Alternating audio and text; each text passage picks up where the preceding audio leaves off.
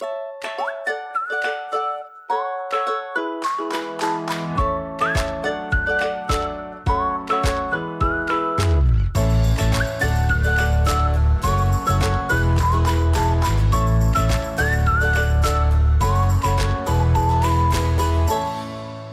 allemaal en welkom bij een nieuwe aflevering van de Wat ik wou dat ik wist podcast. De podcast waarin ik deel wat ik wel eerder had willen weten en verhalen vertel waar jij je als twintiger hopelijk in herkent. En deze week wil ik het hebben over BH's. Ehm, ik weet niet hoe het met jou zit, maar toen ik opgroeide en op een gegeven moment borsten begon te ontwikkelen, toen werd er eigenlijk wel van mij verwacht dat ik aan de BH ging. Um, ik weet nog dat ik met mijn moeder toen naar de HEMA toe ging en mijn eerste BH'tje ging uitzoeken. Wat eigenlijk meer een soort bralette was in die tijd. Maar het hoorde gewoon bij het tiener worden, puber worden. En um, ja, het is gewoon een beetje zo in iedereen's leven gekropen, denk ik. En het, het is doodnormaal om een BH te dragen. Terwijl er nu ook een heleboel mensen zijn die eigenlijk geen BH meer willen dragen. Of die van een beugel BH overstappen naar een bralette of iets dergelijks. Of die gewoon helemaal afscheid nemen van überhaupt iets wat alleen om je borstgebied heen zit. Um, en ik vond het wel interessant om daarom eens in de geschiedenis van de BH's te duiken. Want ik zat zelf eens te denken. En ik wist eigenlijk niet waar de BH vandaan kwam, waarom het ontwikkeld is, wanneer het überhaupt ontstaan is. En ik heb wel eens eerder een aflevering gedaan waarbij ik echt de geschiedenis van een onderwerp indook, onder andere over anticonceptie. En dat vond ik eigenlijk super leuk om te doen. Normaal praat ik een beetje in het wild over iets wat meer van deze tijd is. Een soort trend die nu gaande is. Maar het is ook wel interessant om soms eens te kijken waar het vandaan komt en hoe we hier zijn gekomen. Dus dat heb ik ook gedaan voor de BH. Dus in dat verhaal ga ik jullie straks helemaal uh, meenemen en zal ik uiteindelijk ook een beetje toepraten naar de huidige tijd en wat mijn kijk is op de BH, et cetera. Maar eerst neem ik altijd even de week met jullie door. Mijn hoogtepunt en dieptepunt van de afgelopen week.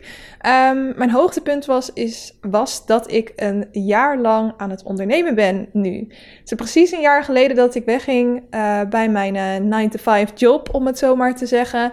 Mijn laatste dag had en uh, begon voor mezelf. En dat was toen best wel spannend, weet ik nog. Ik weet nog heel goed het moment dat ik had helemaal een, een, foto uitbedacht en een tekstje wat ik daar dan bij ging zetten om op mijn social media bekend te maken dat ik dit ging doen. Dat vond ik eigenlijk nog het spannendst van allemaal. Terwijl ik me toen al had ingeschreven bij de KVK en website had gebouwd, et cetera, aan mensen in mijn directe omgeving verteld. Maar om dat dan echt um, eruit te gooien, dat vond ik toen best wel een spannend moment, weet ik nog. Um, gelukkig alleen maar positieve reacties opgekomen. En uh, ook de spanning die ik in het begin had van gaat het allemaal wel lukken. Nou, na een jaar kan ik zeggen dat dat zeker is gelukt. En dat ik heel blij ben dat ik deze stap heb genomen. Maar dat heb ik ook wel eens eerder in mijn podcast verteld. Ik heb het ook al vaker gehad over ondernemen en hoe dat voor mij is, wat ik ervan heb geleerd. Dus als je dat een interessant onderwerp vindt, dan kan je even terugkijken in de afleveringen die ik afgelopen, ja, afgelopen jaar heb gemaakt daarover. Um, maar ja, dat vond ik natuurlijk wel eventjes een feestje waard. Dus um, daar was ik heel blij mee.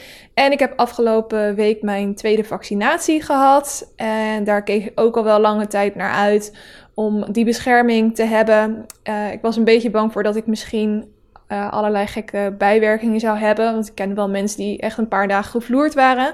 Maar dat viel hartstikke mee. Ik had eigenlijk nergens last van. Mijn vriend had nog een beetje moeheid. Die was de dag voor mij.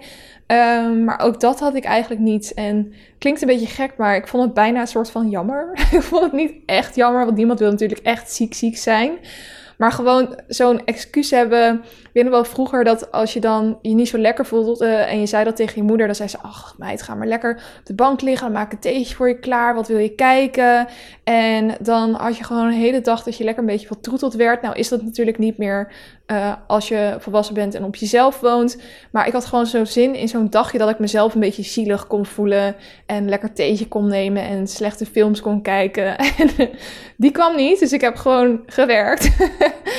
maar um, ja, misschien ook wel uh, goed. En misschien moet ik daar ook wel blij mee zijn. Ik weet niet of dit heel raar is of andere mensen dit ook hebben. Dat je gewoon zo'n behoefte hebt aan een off day of zo. Um, maar uh, ja, dat. En uh, mijn dieptepunt van afgelopen week, afgelopen week, dat is nog wel een verhaaltje. Um, zoals ik in de aflevering van vorige week vertelde, ehm, heb ik een week op het huis van de zus van mijn vriend gepast. En dat was in Den Haag. En ik heb ook wat vriendinnen in Den Haag wonen. Dus ik uh, uh, wilde ook wat uh, gaan drinken op het plein in Den Haag voor de mensen die dat kennen. En dat was een kwartiertje fietsen. En ik mocht ook de fiets lenen. Dus ik had, we hadden ook de sleutel van haar gekregen. En ik had ik eigenlijk de hele week nog niet gebruikt, die fiets. Maar ik dacht, nou, vrijdagavond even lekker drankje doen. Dus op het fietsje daar naartoe. Nou, super gezellige avond gehad. Um, ik had er helemaal niet aan gedacht dat de horeca en het terras, et cetera, om 12 uur s'nachts uh, moeten sluiten. Dus het was al vrij snel de laatste ronde. En um, ja, om 12 uur stond iedereen dan dus ook daar buiten of buiten de terrassen. En um, misschien ken je dat ook nog wel van vroeger, toen je na het uitgaan dan buiten stond en alle clubs waren dicht, dan stond iedereen uh, op hetzelfde pleintje waaraan dat dan grensde. En er zaten altijd wat van die dronken figuren tussen. Die allemaal ding, rare dingen uitriepen. En het was altijd een beetje chaos. Nou, zo was het nu eigenlijk ook een beetje. Um, vriendin ging de ene kant op en ik de andere kant op met die fiets. En ik reed dus door een straat waar nogal wat dronken mensen stonden. En er was een gast en die zei: uh, hey, hey, breng me anders even naar huis. Breng me, ik ga achterop, ik ga achterop. En ik zei: Nee, niet doen, nee, niet doen, nee, niet doen. Nou, je raadt het al, dat deed die gast natuurlijk wel. Hij rent naar me toe en springt met zijn volle gewicht, maar dan ook echt zijn volle gewicht, achterop mijn fiets. En op dat moment merk ik eigenlijk al dat er iets niet goed gaat. Hij merkt ook dat ik begin te slingeren. Um, dus hij springt er gauw weer af. Oh, ging niet helemaal goed. Of ik weet niet eens meer wat hij zei. Toen dacht ik, nou ja, hij is eraf. Nu zal het wel weer goed gaan. Maar dat ging er niet. Want mijn fiets die ging nog steeds heel raar heen en weer. Dus ik dacht, kut, zo heb ik een lekke band.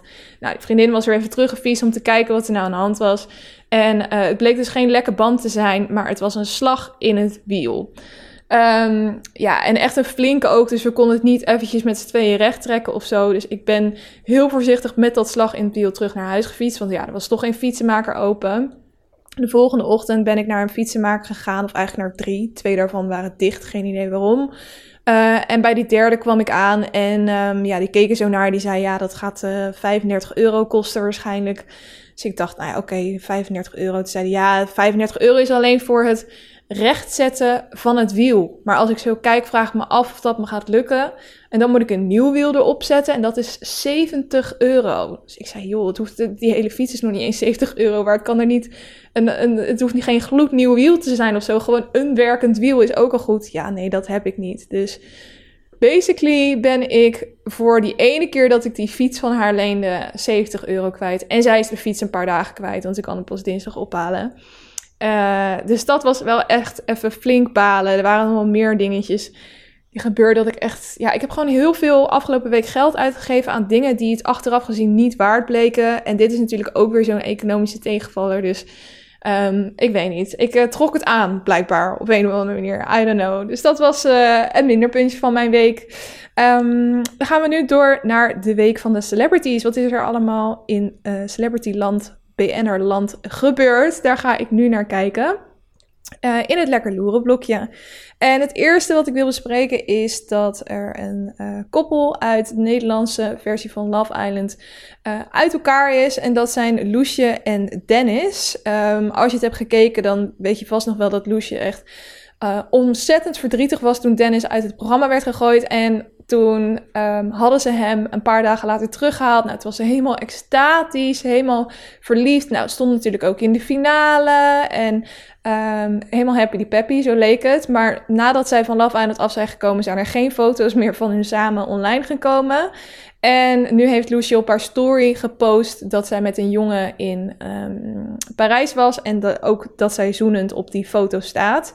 En uh, ja, voor de rest heeft ze er zelf niks over gezegd. Maar de, boodschap is in ieder geval duidelijk. Ze is niet meer met die Dennis samen in ieder geval.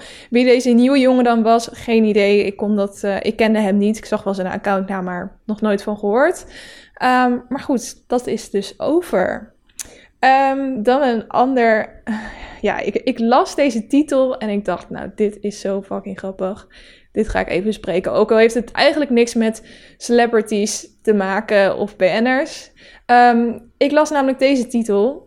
De NBC trekt een stekker uit de glijbaanshow na diarree-uitbraak crew.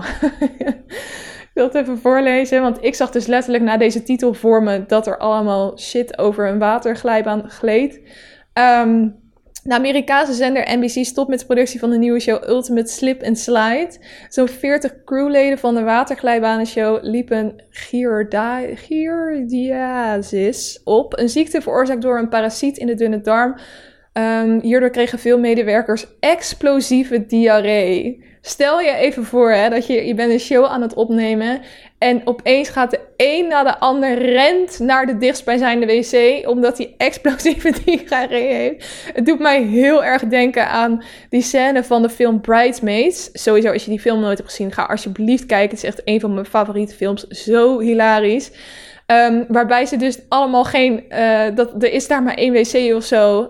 En dan is er één in de waar je handen in was, daar zo in aan het poepen, de ander op de grond. En het is één grote shitshow, letterlijk. En dat is zo wat ik voor me zag toen ik dit las. Het is misschien ook een beetje zielig om over te lachen, om om te lachen. Een parasiet in dunne darmen, maar um, ja, sorry daarvoor, maar ik doe het wel.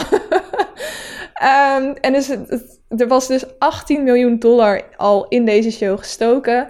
En ze hebben nu helemaal de stekker uit het project getrokken. Want ja, die, ja als je hele crew er gewoon uit ligt. Als een paar mensen zijn, dan kan je het nog vervangen. Maar het was gewoon letterlijk de hele crew die explosieve dieren had. Nou ja, dat wilde ik je even me, toch even met je delen.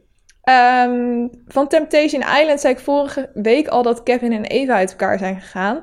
Nu heeft Eva een interview gedaan waaruit blijkt dat zij degene is die vreemd ging. Want in Temptation Island um, vertrouwden ze hem vooral niet en werd er vooral heel veel paar ingepraat van hem. Misschien uh, um, zit jij een beetje vast in die relatie. Het leek een beetje alsof ze onder de duim zat door hem. En die meiden zeiden allemaal van, joh, je verdient nou ja, beter. Uh, je verdient, je, misschien is het tijd voor jou om op je eigen benen te gaan staan.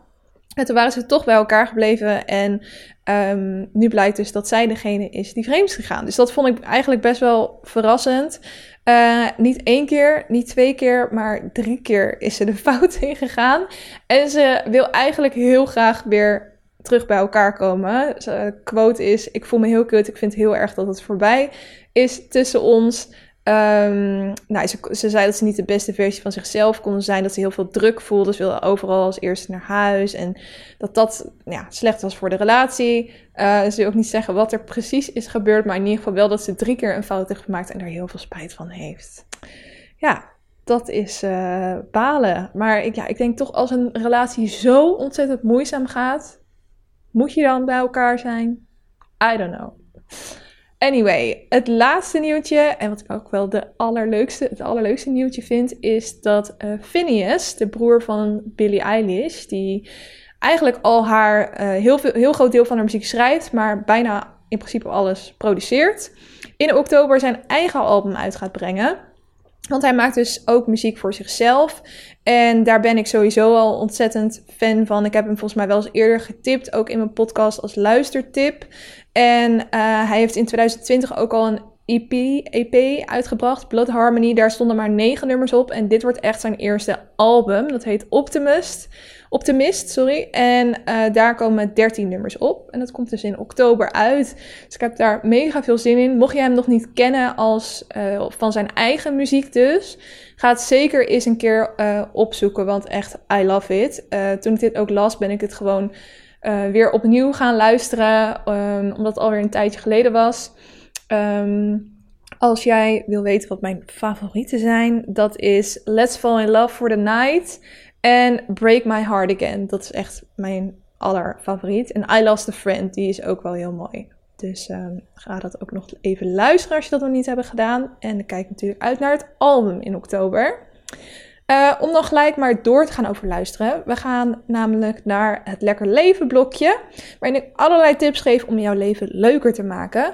En ik wil even beginnen met een luistertip. En dat is namelijk uh, de Philo Gang podcast. Um, vorige week had ik het namelijk over de challenge die ik deze maand wilde gaan doen. En dat iemand mijn bericht had gestuurd van... Hey, is het niet leuk als je een maand lang in een onderwerp gaat duiken... en daar zoveel mogelijk over gaat proberen te leren... En toen uh, had ik ook gevraagd wat voor onderwerp dat dan moest zijn. Daar kwam uit dat mensen astrologie en filosofie het interessant vonden. Daar hebben jullie op gestemd en astrologie kwam als winnaar uit de bus. Dus deze maand um, focus ik me op, op, astrologie. Daar zal ik straks nog wat meer over vertellen aan het eind van de aflevering als ik de challenge bespreek. Um, maar goed, toen ik filosofie dus ook deels had genoemd, kreeg ik een berichtje uh, op Instagram van de Philogang podcast. En um, Sven, die die ook presenteert, die zei van... joh, als jij toch een keer filosofie gaat doen, dan wil ik je daar wel bij helpen. Want daar weet ik heel veel vanaf en dat vind ik heel leuk. En toen dacht ik, ja, ik, ik heb namelijk al langer in mijn hoofd gezeten met het idee van... ik wil een keer een podcast aflevering maken over filosofie. En um, volgens mij is deze podcast heel vet. En um, misschien kan ik daar wel wat mee. Dus wij hebben eventjes um, gekletst en daarna gevideobeld. En uh, hij is binnenkort een gast. Dus in september gaan we samen een aflevering opnemen over uh, identiteit en de huidige tijd, de huidige samenleving. Um, hoe je uitvindt wie je bent en wat verschillende filosofen daar dan over te zeggen hebben. We hebben een beetje een voorgesprek gehad en dat was super interessant. Dus ik denk dat dit een hele leuke aflevering wordt. Maar ik wilde sowieso ook even hun podcast in het algemeen tippen. Dat is dus van uh, Sven en Hanna, de Philogang podcast. Zij zijn allebei filosofie-studenten en zij um, bespreken elke aflevering een ander filosofisch boek. Uh, van een filosoof dus. En daar gaan ze, uh, daar pakken ze een paar passages uit en gaan ze eigenlijk helemaal ontleden van wat diegene daar dan mee bedoelt. Mega interessant. Het zijn lange afleveringen van twee uur, maar je kan het natuurlijk in delen luisteren. En um, ja, ik heb gewoon een soort fascinatie voor filosofie sinds ik het op de middelbare school heb gehad. Ik had ook een hele leuke leraar wat daar natuurlijk aan bijdraagt. En tijdens mijn universitaire studie heb ik ook wel veel uh, moeten filosoferen. Al ging het dan meer over de rol van media in onze samenleving. Het was media en cultuur aan de UvA. Um, maar ja, dat, dat, ik blijf daar altijd een fascinatie voor houden. En wat ik leuk vind aan deze podcast is dat zij um, filosofie heel toegankelijk maken je hebt meerdere van dit soort podcasts volgens mij die over filosofie gaan. En ik vind het gewoon leuk dat je niet daarvoor dan zelf heel diep in een boek moet duiken met allerlei moeilijke teksten. Maar uh, dat het gewoon door twee jongeren wordt besproken op een hele leuke, gezellige manier. Alsof je bij hun aan tafel zit, zeg maar. Dus die wilde ik eventjes tippen. Um, dan wil ik nog een kijktip geven. Dat is een Netflix film en die heet The Last Letter from Your Lover. En oh, die vond ik echt mega leuk. Met een Netflix-film kan het natuurlijk echt twee kanten op gaan. Of het is super leuk, of je denkt: wat de fuck, waarom heb ik dit aangezet? Wat zonde van mijn tijd. En deze viel gelukkig in het eerste rijtje. Hij speelt zich eigenlijk in twee tijden af, namelijk uh, deze tijd, gewoon, uh, ja, wat zou, dat, dat, zou zeg maar in het jaar 2021 kunnen zijn. En anderzijds speelt hij zich af in uh, de jaren 60 ongeveer. Um, ik zal even voorlezen waar het over gaat. Als een ambitieuze journalist een stapel geheime liefdesbrieven vindt, dat is dus in huidige tijd, ontdekt ze dat een man en een vrouw een verboden verhouding hadden in de jaren 60. En dan gaat ze dus op basis van die brieven op onderzoek uit wat er allemaal is gebeurd toen.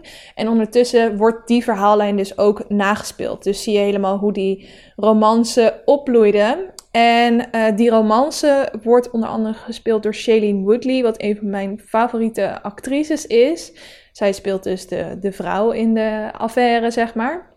En um, dat doet ze super goed. En uh, ja, ik vond het echt gewoon heel nice om naar te kijken. Ik vind het ook altijd leuk als films in het verleden afspelen. Omdat je dan helemaal ziet hoe ze toen hun make-up deden en kleding droegen. En um, ja, hun haar deden. Dat vind ik ook altijd heel tof om te zien. Het is trouwens gebaseerd op een roman, roman van Jojo Moyes. M-O-Y-E-S. Daar heb ik ook wel eens eerder boeken van gelezen. Maar deze had ik nog niet gelezen. Wat ik eigenlijk wel fijn vond. Want dan wist ik ook niet um, wat er precies zou gebeuren. Geen spoilers, zeg maar. Uh, maar ja, ik vond deze echt heel tof, deze film. En die staat sinds 23 juli op Netflix. Dus als je hem nog niet hebt gezien, ga dat zeker doen. Um, en tot slot misschien... Ik, het leek me wel weer leuk om wat hotspot tips te geven. ik vind het zelf altijd heel leuk om uh, ja, een beetje naar populaire cafés te gaan, Instagram-worthy dingen. Ik heb daar echt een zwak voor. Het is misschien heel basic, maar goed, ik ben ook basic, dus wat maakt het ook uit? Um, dat was Siri, hallo. Um, dus ik dacht, weet je, ik ga daar gewoon wat tips voor geven. Misschien ken je ze al, misschien ook nog niet. Uh, een hotspot in Amsterdam en één in Rotterdam. Heb ik allebei in de afgelopen twee weken gegeten. Uh, ik was uh, deze week bij de Avocado Show. Wel een bekende naam inmiddels, denk ik. Het is een, uh, een ja, toch wel meer een lunchrestaurant. Waarbij je dus allemaal gerechten kan bestellen. En ze hebben één ding ja, één ding is overeenkomstig en dat is dat elk gerecht avocado bevat. Dus als je daar niet van houdt, dan moet je er niet naartoe gaan. Maar ik ken in deze huidige tijd weinig mensen die niet van avocado houden. en wat ik heel vet vind, is dat zij hun borden echt prachtig opmaken. Elk gerecht ziet er echt uit als een feestje. En um, hun vestigingen zijn ook ontzettend cool ingericht met een plantenmuur en neonlichten. En ja, gewoon heel vet. En ik bestelde bijvoorbeeld ook een iced en dat leek net een cocktail. Zat ook een bloempje in, et cetera. Met al, nou, van alles. Dus um, ja, ik, ik weet niet. Ik heb met dit soort tenten altijd van, ja, uh, heel vet opgezet. Maar ik durf te wedden dat als ik daar ben, dat de service dan weer heel kut is. Dat is best wel vaak met van die populaire, overhyped tentjes. Maar hier was de service fantastisch. We kregen ons eten ook nog redelijk snel. Um, dus daarom durf ik hem wel, uh, wel aan te raden. En de andere tip, oh trouwens, als je wil weten wat ik had gegeten, het was zo lekker. Ik bestel daar namelijk wel eens hun um, pokeball, want dat hebben ze ook. Dan bestel ik altijd de truffel deluxe. Dus dat is met avocado, cajun chicken, dus met kip. En truffel mayonaise. En het is ook gekruid in truffel. Het is fantastisch. En nu had ik daar zo dus de toast versie van. Dus dan heb je gewoon toast met uh, kip erop. En avocado, truffel mayonaise, parmezaanse kaas. Je kan eventueel nog bacon toevoegen. Fucking lekker. Um, en ik ben uh, vorige week bij Bertmans geweest in Rotterdam. Superleuk uh, healthy ja, café ook. Wel ook echt een lunchrestaurant, denk ik. Misschien, ik denk dat je wel lunch als avondeten kan doen. En um, daar had ik ook ontzettend lekker gegeten. En het zag er heel vet uit. Het deed me bijna een beetje denken aan.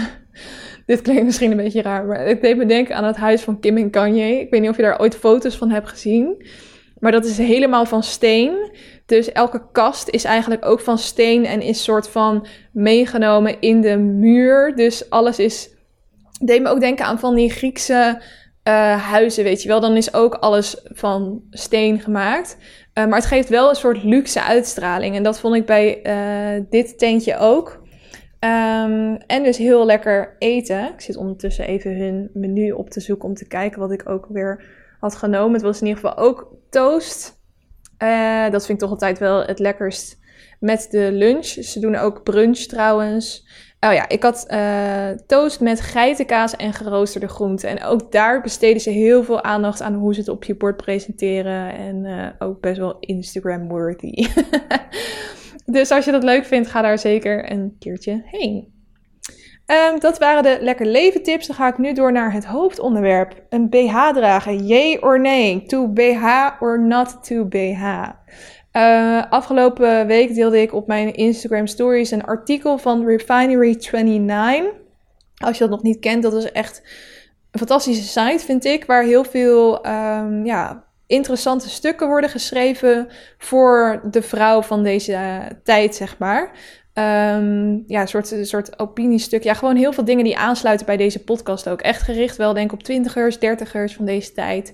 Um, en alles wat in ons leven komt kijken eigenlijk. Um, maar niet zo oppervlakkig als andere sites bijvoorbeeld. Maar in ieder geval, op die website stond een artikel dat steeds meer vrouwen de BH terug toekeren. Voornamelijk sinds corona. En ik had dat gedeeld in mijn stories en gevraagd of... Uh, ja, of, of onder mijn volgers ook mensen zijn die zeggen van joh, die BH, je kan mijn rug op, letterlijk. um, ik, uh, ik draag dat ding niet meer, ik ben er helemaal klaar mee. Of dat mensen nog wel 10 BH waren. En eigenlijk was het toch nog wel 75% die fan was van de BH. 25% niet. Maar alsnog vind ik die 25% best wel uh, veel. Um, en ik merk het ook omheen. Steeds meer Vrouwen in Amsterdam zie ik zonder BH. Zelfs ook serveersters zonder BH. En dat zie je dan dus door de tepels die door het shirt heen komen natuurlijk. Uh, maar ook op social media zou ik het bijna een movement kunnen noemen. Uh, ook wel onder de hashtag Free the Nipple. Want dat komt natuurlijk ook wel bij kijken. Dat, je, dat is dan meer dat je op social media ook. Um, dat het te krom is dat je wel uh, een ontbloot bovenlijf van, vrouw, van mannen daar zo tegen kan komen. Maar niet van vrouwen, want dan word je geblokkeerd. Ehm, dat is natuurlijk meer dat gedeelte, maar ik denk wel dat het er deels op aansluit ook. Dat we daar meer vrijheid in creëren. En ook dus het feit dat je zonder BH de straat over kan en mag wanneer jij dat wil. Ehm, en dat was voor mij wel een leuke aanleiding om de geschiedenis eens in te duiken. Want zoals ik aan het begin al zei, ik was wel benieuwd. Waar komt dit eigenlijk vandaan? Waarom dragen we een BH? Hoe komt dat zo? En hoe lang doen we dat eigenlijk al? Dus dat heb ik gedaan. En waar ik achter ben gekomen is dat de BH zelf uh, de eind 19e eeuw is ontstaan. Voornamelijk in het Westen. En in de eerste helft van de 20e eeuw was het wel echt ingeburgerd in de samenleving. Maar dat als je gaat kijken naar de ontwikkeling van de BH, dat je eigenlijk nog iets verder terug moet, omdat het niet losgezien kan worden van de ontwikkeling van het corset. Want dat was eigenlijk vaak, uh, ja, nou, niet letterlijk één onderdeel, maar het had wel met elkaar te maken. Dus dat gaan we eventjes doen. Um, nou, de BH, die, uh, ja, in, in de oudheid kunnen we eigenlijk al wel terugzien dat er manieren werden toegepast om de borsten te bedekken, te ondersteunen, of om ze op een of andere manier er anders uit te laten zien. Want er zijn bijvoorbeeld oude beeldjes gevonden, gevonden van een uh, slangengodin. En die had een hele lange rok aan en ook een corsetachtig lijfje. Dat de taille dus heel erg nauw omsloot. En ook de ontblote borsten wat omhoog duwde. Waardoor mensen dus toch al denken dat het in die tijd um, ook al wel vindbaar was. In het oude Griekenland en in Rome droegen vrouwen in bepaalde situaties een, een met BH uh, om hun borsten heen. En dat was een uh, lange wollen of katoenen of linnen verband dat op de rug werd vastgemaakt. En dat verband dat uh, drukte de borsten plat en hield ze ook op zijn plek. Want ze dachten toen ook, dat is wel grappig, dat het de borstgroei tegen kon gaan als je ze heel strak ja, heel strak dat verband eromheen deed. Want kleine borsten die waren toen echt het schoonheidsideaal. Mensen wilden eigenlijk gewoon dat je bijna als een kind een beetje eruit zag. Gewoon heel smal en tiny en um, de, je borsten dus ook. Maar het kon ook gebruikt worden om een klein beetje extra aandacht op te leggen. En dan deden ze het verband dus iets onder de borst, dat ze een klein beetje omhoog geduwd werden. Um, en ook waren leren riemen uh, onder of over de borsten um, ja, in stijl toen. Maar dat zat meer boven de kleding. Misschien kan je dat nog wel herinneren. Uh, misschien heb je wel eens een feestje gehad, een soort Romeinenfeestje of zo. Maar dat je dan zo'n toga zag en dan hadden vrouwen vaak van die riempjes over die toga heen. Um, in de middeleeuwen is iets soortgelijks als de BH wat moeilijker terug te vinden. Want in eerste instantie was de kleding toen best wel luchtig. Later in de middeleeuwen werd het wat strakker. En toen uh, ontstond er ook een vetersluiting bij de borsten. En die bood ook wat ondersteuning voor vrouwen met grote borsten. Maar dat was dus niet echt een BH. Maar er waren wel mensen die borstzakjes in hun onderkleding naaiden. Um, gewoon voor wat extra comfort. Om, of om ze toch een klein beetje te benadrukken. Um, in de 16e eeuw, toen kwam de voorloper van het corset in de Europese mode op. Uh, vooral aristocratische dames die droegen toen ja, een soort keurslijf, versterkt met allerlei hard materiaal wat ze toen konden krijgen. En daarmee met dat corset creëerden ze een hele lange torso met een brede borstkas en een smaller middel. De halslijn die lag ietsje lager en die was ook vaak vierkant. Maar eigenlijk maakt het vooral je borsten heel erg plat. En de corsetten die waren eigenlijk niet gericht op de borsten, maar vooral bedoeld om een rechte houding te creëren. Dat was toen heel belangrijk. En daarom kregen zowel jongens als meisjes er een. Dus ook jongens droegen in die tijd een corset. Nou, toen kwam op een gegeven moment de Franse Revolutie aan het einde van de 18e eeuw. En dat was wel echt een keerpunt in de mode. Toen ging men wat meer eenvoudige romantische kleding dragen. Dus allerlei simpele jurken met hoge tailles, uh, korte mouwen en uh, lage halslijnen. Dus als er dan ook corsetten waren, dan moesten die vooral de borsten ondersteunen en wat meer accentueren. En in de 19e eeuw kwam er een meer Victoriaanse mode, waarin het corset weer wat langer werd, maar wel zo hard werd aangetrokken, zodat het een vrouwelijk silhouet silhouet creëerde met een heel vol decolleté. En ik moet daarbij echt denken aan um, de film The Titanic. Volgens mij is dat ook rond deze tijd. Waarbij, uh, nou dat was wel iets later. Maar toen zag je natuurlijk ook dat die uh, jurk zo... Die moeder die was toen heel strak de jurk van Rose aan het aantrekken. Zodat je zo smal mogelijke taille had. En um, dat je borsten lekker omhoog gewipt werden. Dus um, ik ben heel blij dat wij niet in die tijd leven. Um, de moderne BH die ontstond eind 19e eeuw en eigenlijk vanwege twee redenen. Aan de ene kant vond men corsetten gewoon niet goed voor je lichaam. En aan de andere kant waren er wat vroege feministen die behoefte hadden aan wat meer praktische mode. Uh, vooral in de jaren 1830 werd er kritiek geuit op modetrends die het lichaam vervormden. Zoals dus dat tight lacing, wat, uh, wat je bij Titanic ook zag. Um, want mensen kwamen erachter dat het toch wel wat orgaanletsel kon veroorzaken. En het beperkte je natuurlijk enorm je bewegingsvrijheid. Je kon eigenlijk echt niks meer behalve staan en misschien een klein beetje zitten. Um, dus er ontstonden toen wat lijfjes die wel steun boden, maar die het lichaam niet beknelden. Nou, begin 20e eeuw, toen werden wat primitieve BH's ontworpen om toch de vraag van actieve vrouwen, die wat meer bewegingsvrijheid wilden, om die tegemoet te komen. En er is niet echt één uh, uitvinder aan te wijzen van de BH. Het kwam eigenlijk voort uit allerlei verschillende stappen van zowel mannelijke als vrouwelijke ontwerpers. Er was een Franse mevrouw Cadol en die had een tweeledig corset ontworpen. Dat bestond uit een BH en een heupcorset. Dus door die scheiding ging, mensen, ging men daar ook gewoon wel anders over nadenken. En dat corset, dat werd ook laten zien op de wereldtentoonstellingen van Parijs.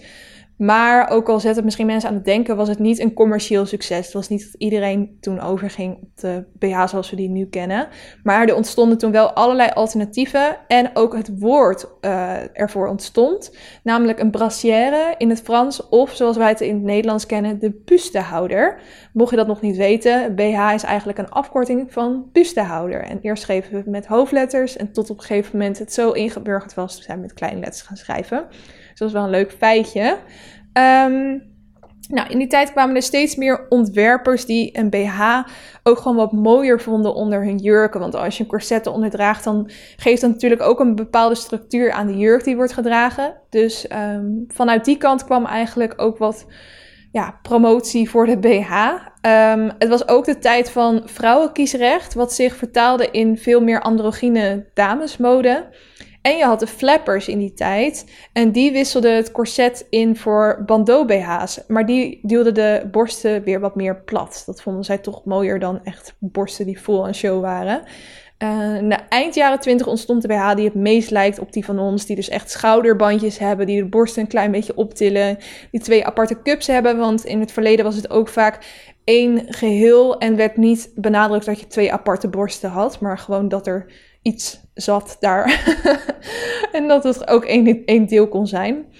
Um, in de jaren 30 mocht de BH weer wat vrouwelijker worden. En toen gingen producenten zich ook richten op comfort. Dus er werd wat elasticiteit toegevoegd, bijvoorbeeld. Dus voor die tijd um, rekte het eigenlijk helemaal niet mee. Dus als je nu al een BH oncomfortabel vindt, stel je dan eens voor uh, hoe dat toen was, toen er nog überhaupt geen elastiek in zat. Uh, en toen ontstond, ontstond, ook het systeem met de maten, zoals wij dat nu ook kennen, A, B, C, D. Um, en dat gaf dan aan hoe vol de borsten waren die erin zaten. En uh, BH's werden toen ook verstelbaar. Dus hè, dat, dat draagt allemaal bij aan um, ja, meer toegaan naar het comfort van de BH. In de jaren 40 en 50 toen was de BH niet, meer, niet langer onzichtbaar, omdat allerlei Amerikaanse filmsterren ze zowel op het doek als daarbuiten droegen. En soms waren het zelfs van die punt-BH's met ja, soort van kegelvormige cups. En dit was ook de tijd dat de bikini ingeburgerd raakte en de eerste push-up BH op de markt kwam. Dus ook wel grappig om te zien dat zoiets als, hè, we, we zien mensen op het scherm, op, uh, met de opkomst van film en tv, dat mensen toen ook dachten van, oh, zij doen, dan gaan wij het ook doen. Toen ging het eigenlijk heel snel, die inburgering van uh, BH's, bikinis, et cetera. Um, nou ja, toen hadden de mensen die BH's produceerden natuurlijk, uh, die dachten toen van uh, yes, wij lopen nu lekker binnen. Hoe kunnen we dat nog meer uitbreiden? Dus in de jaren 60 en 70 gingen producenten zich ook richten op pubermeisjes. Dus toen moesten pubermeisjes ook BH's gaan dragen. Um, nou, dit werden allemaal comfortabele tiener BH's in wat lichtere materialen. Ik denk zoals we dat nu ook wel kennen. Ook gingen artsen toen adviseren als noodzakelijke ondersteuning. Dus ook van medisch, vanuit medisch oogpunt werd het toen uh, ja, eigenlijk ondersteund om dit te gaan doen. En in de jaren 70 kwamen ook ondergoedsetjes in, waarbij een BH dus werd aangevuld met een bijpassend onderbroekje in dezelfde print. Nou, dat kennen we nu natuurlijk ook. Um, ja, en vanaf de jaren 80 toen breidde het aanbod gewoon heel erg uit. Dus je kreeg full cup BH's, minimalistische BH's, t-shirt BH's, sport BH's, push-up BH's. Um, vooral de sport BH, die werd door de jogging en de aerobic rage in de jaren 80 en 90 ontzettend populair. Maar aan de andere kant had je lingerie die ook veel vrouwelijker, decoratiever, glamoureuzer en romantischer uh, werd. Um, ja, en in de jaren 90 waren vooral grote borsten en een smalle taille heel erg in, waardoor de push-up beugel BH het allerpopulairst werd. Iedereen wilde toen die BH hebben.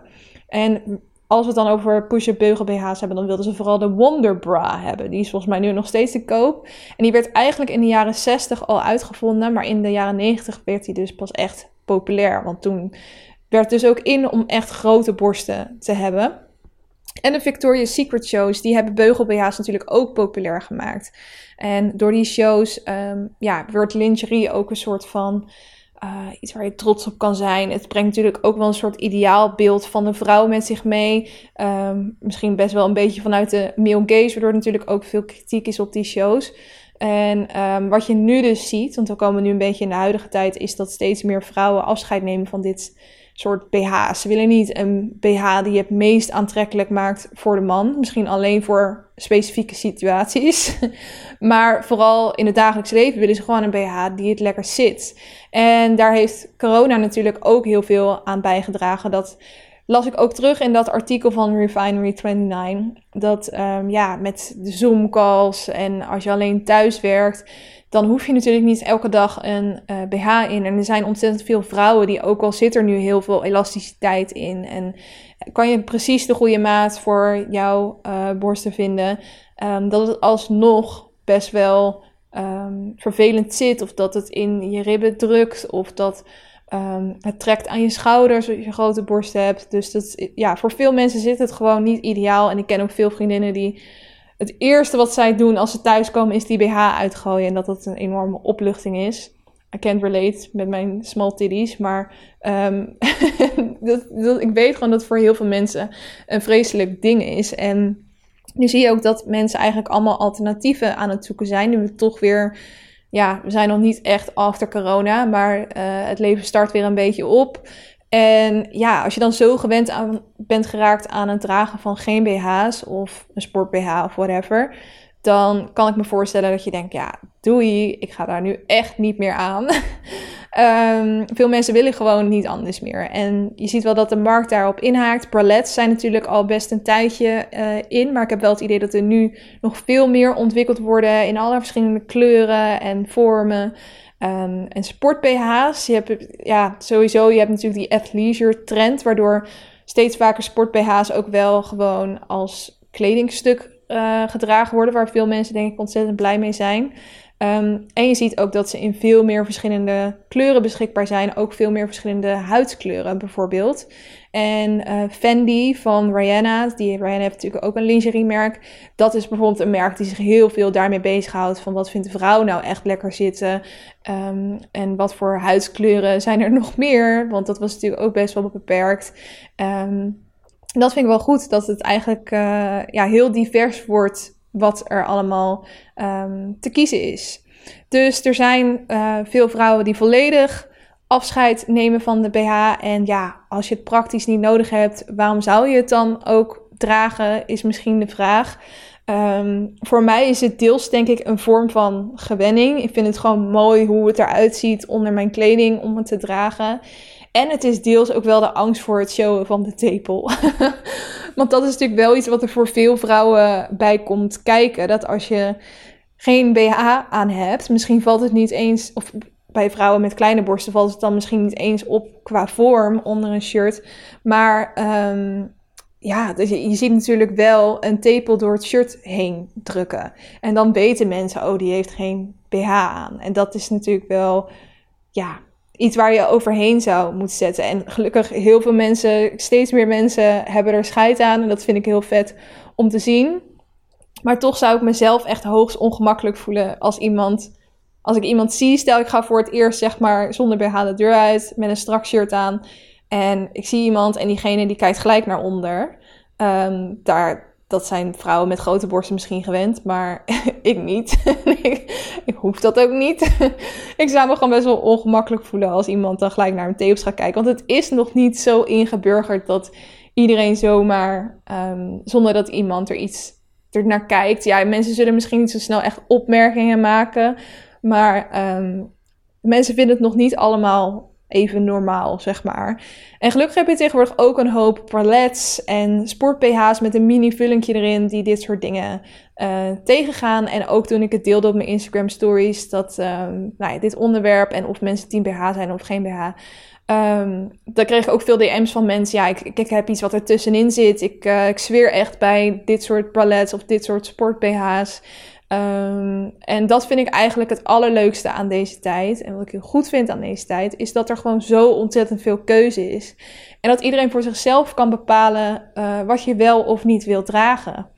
Um, ja, en wie weet, misschien lopen we over tien jaar wel allemaal met tepels door ons shirt heen en vindt iedereen dat doodnormaal. ik moet een beetje denken aan die scène van Mean Girls, dat... Um, de grootste mean girl, die krijgt dan uh, tijdens de gym, wordt, wordt er gaten in haar shirt ge, uh, geknipt. Waardoor als zij haar shirt aandoet, dan zie je haar BH er doorheen. En zij denkt gewoon fuck it. En ze gaat heel stoer rondlopen met dat shirt waarbij je de BH er doorheen ziet. En de volgende dag loopt iedereen daarmee. Is dat de normaalste zaak van de wereld. Wie weet gaat het ook wel zo met tepels die door je shirt heen kijken. We gaan het allemaal zien. Ik hoop dat je het interessant vond om deze geschiedenis van de BH eh, ja, te horen. Ik vond het heel leuk om er in ieder geval in te duiken. En ook grappig dat elk decennium eigenlijk weer een eigen um, ja, stijl heeft. Van of je borsten wel of niet benadrukt moeten worden. Of het een punt pH moet zijn. Of wel juist iets waarbij je borsten platgedrukt worden. En uh, dat ieder jaargetijden eigenlijk weer, of jaargetijden, eigenlijk elk jaar bijna zijn eigen stijl had. Want zelfs binnen decennium verschilde het nog best wel ook van de ene plek naar de andere plek. In Frankrijk was er heel wat anders in dan in de VS. Dus het is alsnog heel generaliserend, maar alsnog wel interessant om in te duiken. En ik vind dat we toch al best wel ver zijn gekomen van uh, um, die aangetrokken corsetten tot de bralettes die we nu hebben. En daar, daar zijn we denk ik allemaal heel erg blij mee. dus dat was het voor het hoofdonderwerp. Um, dan wil ik nog even de challenge met jullie doornemen. Ik zei het al eerder in de aflevering, maar ik ben dus uh, volledig in het onderwerp astrologie aan het duiken. En ik uh, deel een beetje met jullie wat ik daar allemaal over leer. Um, voor de, uh, ja, hoe zeg je dat? De, voor de, de lange luisteraar. um, ik heb in het verleden ook wel eens een podcastaflevering gemaakt over ja, horoscopen meer. En dat ik er toen ook achter kwam dat um, het invullen van de tijd waarop je geboren bent eigenlijk nog veel meer dan alleen je sterrenbeeld naar voren brengt. En um, toen heb ik daar zo ook wel over gehad van wat die, mijn horoscoop betekende en in hoeverre ik mezelf daarin herkende. Maar dat was eigenlijk alweer zo lang geleden dat ik het een beetje vergeten was. Dus ik uh, ben dat weer helemaal op gaan halen. Ik heb ook weer de app CoStar uh, geïnstalleerd. Ook als ik ben nu dus in het onderwerp aan het duiken en ik zie die app overal voorbij komen. Dit wordt wel uh, als meest aangeraden, want het is ook best wel. Het ziet er gewoon goed uit. Best wel modern ingerichte app en heel duidelijk ook. Dus mocht je het interessant vinden om wat meer ja, over astrologie te weten te komen en voornamelijk je eigen birth chart, daaruit kan je dus al die informatie halen. Dan um, zou ik je aanraden om die app te installeren, want dat is wel heel interessant. En ik heb net dus ook een video zitten kijken over uh, astrologie voor beginners. Hij heet Astrology for Beginners: How to Read a Birth Chart van het account Lavender. Maar ik zal het ook wel even. Wauw, 1,5 miljoen abonnees heeft hij al. Um, ik zal het account ook wel eventjes delen in uh, de beschrijving van deze aflevering. Maar daarin gaat zij dus veel uh, meer in op die birth chart. Want um, je kan dus bijvoorbeeld, je hebt planeten. Ehm, dan heb je dus, ja, het heel veel is in het Engels. Ik vind het lastig om sommige dingen te vertalen. Dus ook als ik het over dit onderwerp heb, zal je me zowel in Nederlands als in Engels horen praten, ben ik bang. Want soms dan weet ik gewoon de vertaling niet. Um, of niet zo snel. Dus je hebt de planets, de signs en de houses. Dus als je dan zo'n birth chart ziet, hè, je hebt je ingevuld um, waar je bent geboren, op welke datum je bent geboren en um, wat voor tijd je bent geboren, dan rolt er dus een birth chart uit. En in principe is dat gewoon een soort momentopname van de lucht. Op het moment dat jij werd geboren vanuit de plek waar jij bent geboren. Dus als je dan uh, met een hypersonisch oog naar de lucht zou kijken, dan is dit hoe de planeten um, te zien zouden zijn. En onder planeten wordt in dit geval dan ook eventjes de zon en de maan gerekend. En op basis daarvan val jij, vallen die planeten dus in bepaalde um, uh, houses. En dat zegt dan dus ook weer wat over je. Nou, ik zal het nog een klein beetje um, doornemen, want de belangrijkste dingen waar je dan dus achter komt is um, je sun, je zon, je moon en je uh, rising heet dat, of je ascendant. En dat zegt dus allemaal iets over je. Dus de planeten die zeggen eigenlijk wat, dus um, wat voor soort energie er uitgedrukt wordt. Dan heb je dus je sterrenbeeld en dat zegt iets over de how, dus hoe de energie uh, uitgedrukt wordt. En dan heb je nog de houses. Um, en dat is de where, dus waar in je leven die energie um, zich zal afspelen. Dus je hebt dan ook verschillende houses. Dit gaat ook al heel ver, I know. Maar je hebt dan dus ook verschillende houses. En je hebt de House of Personality, de House of Money, de House of Communication, de House of Home. Dus um, waar jij dan valt binnen die huizen, of waar jouw planeet dan staat, dat zegt dan dus ook over dat gedeelte weer iets. Dus dat is waarom mensen die dus hier heel ver in zijn, kunnen zeggen van, oh, jouw dat sterrenbeeld staat, jouw maan is in Pisces, ik zeg maar wat. Dat betekent dat uh, als het op geld aangaat, aankomt, dan puntje, puntje, puntje. Nou ja, dat is een beetje wat ik nu weet. En ik weet nu dus een beetje hoe ik mijn birth chart kan lezen. En wat dat dan over mij zou zeggen. En wat ook nog wel interessant is, is dat um, je zon. Je hebt dus drie verschillende sterrenbeelden die er dan uitrollen als je bijvoorbeeld in CoStar uh, hebt geüpload. Ik zal die van mij eens eventjes openen. En even kijken hoor, mijn chart. Die open ik nu. Dan zie je dus ook allemaal waar jij bent. Oké, dus mijn uh, zon die staat in tweelingen. Want zon is altijd het sterrenbeeld wat jij dus al kent van jezelf. Je weet dat je bent. En the sun determines your ego, identity and role in life. It's the core of who you are and it's a sign you're most likely to already know. Um, nou ja, dat ik een tweeling ben, dat betekent dus dat ik uh, heel dynamisch ben, uh, quick-witted. Ben heel grappig blijkbaar, valt wel mee. Eclectic, curious, dat klopt wel, nieuwsgierig. Fascinated by everything, your childlike energy is often scattered in a million directions. Dat klopt wel heel erg. On a social level, level this may come off as gossipy or flaky. Nou, ik neem wel veel gossip door, dus wat dat betreft. Dan staat mijn maan in Scorpio, schorpioen. Uh, the moon rules your emotions, moods, and feelings. This is likely the sign you most think of yourself as, since it reflects your personality when you're alone or deeply comfortable. En wat die van mij dan betekent, is dat mijn emotional self heel intens, gepassioneerd is, een beetje dramatisch. Ik vind het moeilijk om andere mensen toe te laten. Um, je probeert je intens donkere emoties privé te halen. Je vindt het moeilijk om andere mensen te vertrouwen. Ja, hier herken ik me dan dus veel minder in.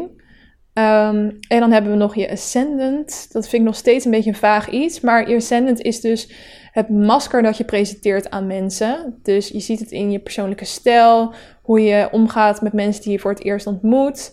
Um, en dit wordt wat minder belangrijk als je ouder wordt. En het kan elke twee uur veranderen. Dus als het niet klopt, dan kan het zijn dat jouw geboortetijd dus niet klopt. Maar goed, bij mij is het dus in Sagittarius, meaning you come across as independent, optimistic, optimistic and confident, though sometimes overly blunt or critical. Generally, a charming conversationalist, your free-spirited approach may come off as restless or easily bored. Nou, hier herken ik mezelf dus weer heel erg in. Dus dat is wel grappig. En alsnog, ik wil niet zeggen dat um, uh, dit, dit, ja, ik weet niet. Ik vind het gewoon interessant, astrologie. Daar, op dat punt zit ik nog steeds. Ik denk dat je er bepaalde dingen uit kan halen. Dat je in sommige dingen kan herkennen of niet. En of dat nou toeval is of dat het echt zo is. Um, dat boeit mij dan eigenlijk minder. Omdat ik denk, ja, als je iets aan hebt, dan heb je er iets aan. Dus um, ja, zover zit ik in mijn astrologiereis. Ik vind het vooral nog moeilijk om de benamingen elke keer te Als ik dan zo'n video kijk, dan zit ik helemaal te knikken van, oh ja, ja, dat klopt. Maar als ik het dan aan iemand na moet vertellen, dan vind ik dat weer heel lastig. En dan denk ik, oh, nu kom ik heel zweverig over, terwijl zij het heel praktisch vertelde. Um, dus dat, uh, nou ja, we gaan het zien aan het eind van de maand. Misschien ben ik dan wel uh, een afgestudeerde astroloog en kunnen jullie allemaal sessies bij mij boeken waar ik jullie toekomst ga voorspellen. ik denk het niet. Um, bedankt voor het luisteren weer naar deze aflevering. Oh ja, dit is nog wel even leuk om te melden. Um, ik ga aankomende woensdag een aflevering opnemen met Kelsey. En zij. Um, uh, ja, we gaan, het, ik ga, we gaan het samen hebben over psychische stoornissen. Zij leidt zelf aan een dwangstoornissen en trekken van persoonlijkheidsproblematiek. En zij heeft nu na tien jaar eindelijk de goede behandeling voor haar gevonden. Um, ik vond het wel heel interessant. Zij bood aan om te gast te zijn. En um, ik wil het wel meer hebben over psychische problemen. Het is uh, ook een heel belangrijk onderwerp om het over te hebben. Um, en ik doe dat dan graag met iemand die er zelf ervaring mee heeft. Omdat die, naar mijn mening, het beste over kan vertellen. En ik dat niet voor andere mensen wil gaan invullen. Dus um, op mijn Instagram stories heb ik nu gevraagd of mensen vragen voor haar hebben. Als deze aflevering online komt, dan is de kans groot dat wij al begonnen zijn met opnemen. Dus um, ik denk dat ik je vraag er niet meer in mee kan nemen. Als je voor tien uur bent, misschien nog wel. Uh, maar in ieder geval, dan weet je dat deze aflevering eraan zit te komen. Uh, ook wel heel interessant onderwerp lijkt me. En uh, ben benieuwd wat daaruit komt. Dus thanks voor het luisteren naar deze aflevering. En uh, ik wens je een hele fijne week toe. En hopelijk ben je er volgende week ook weer gezellig bij. Tot dan. Doei doei.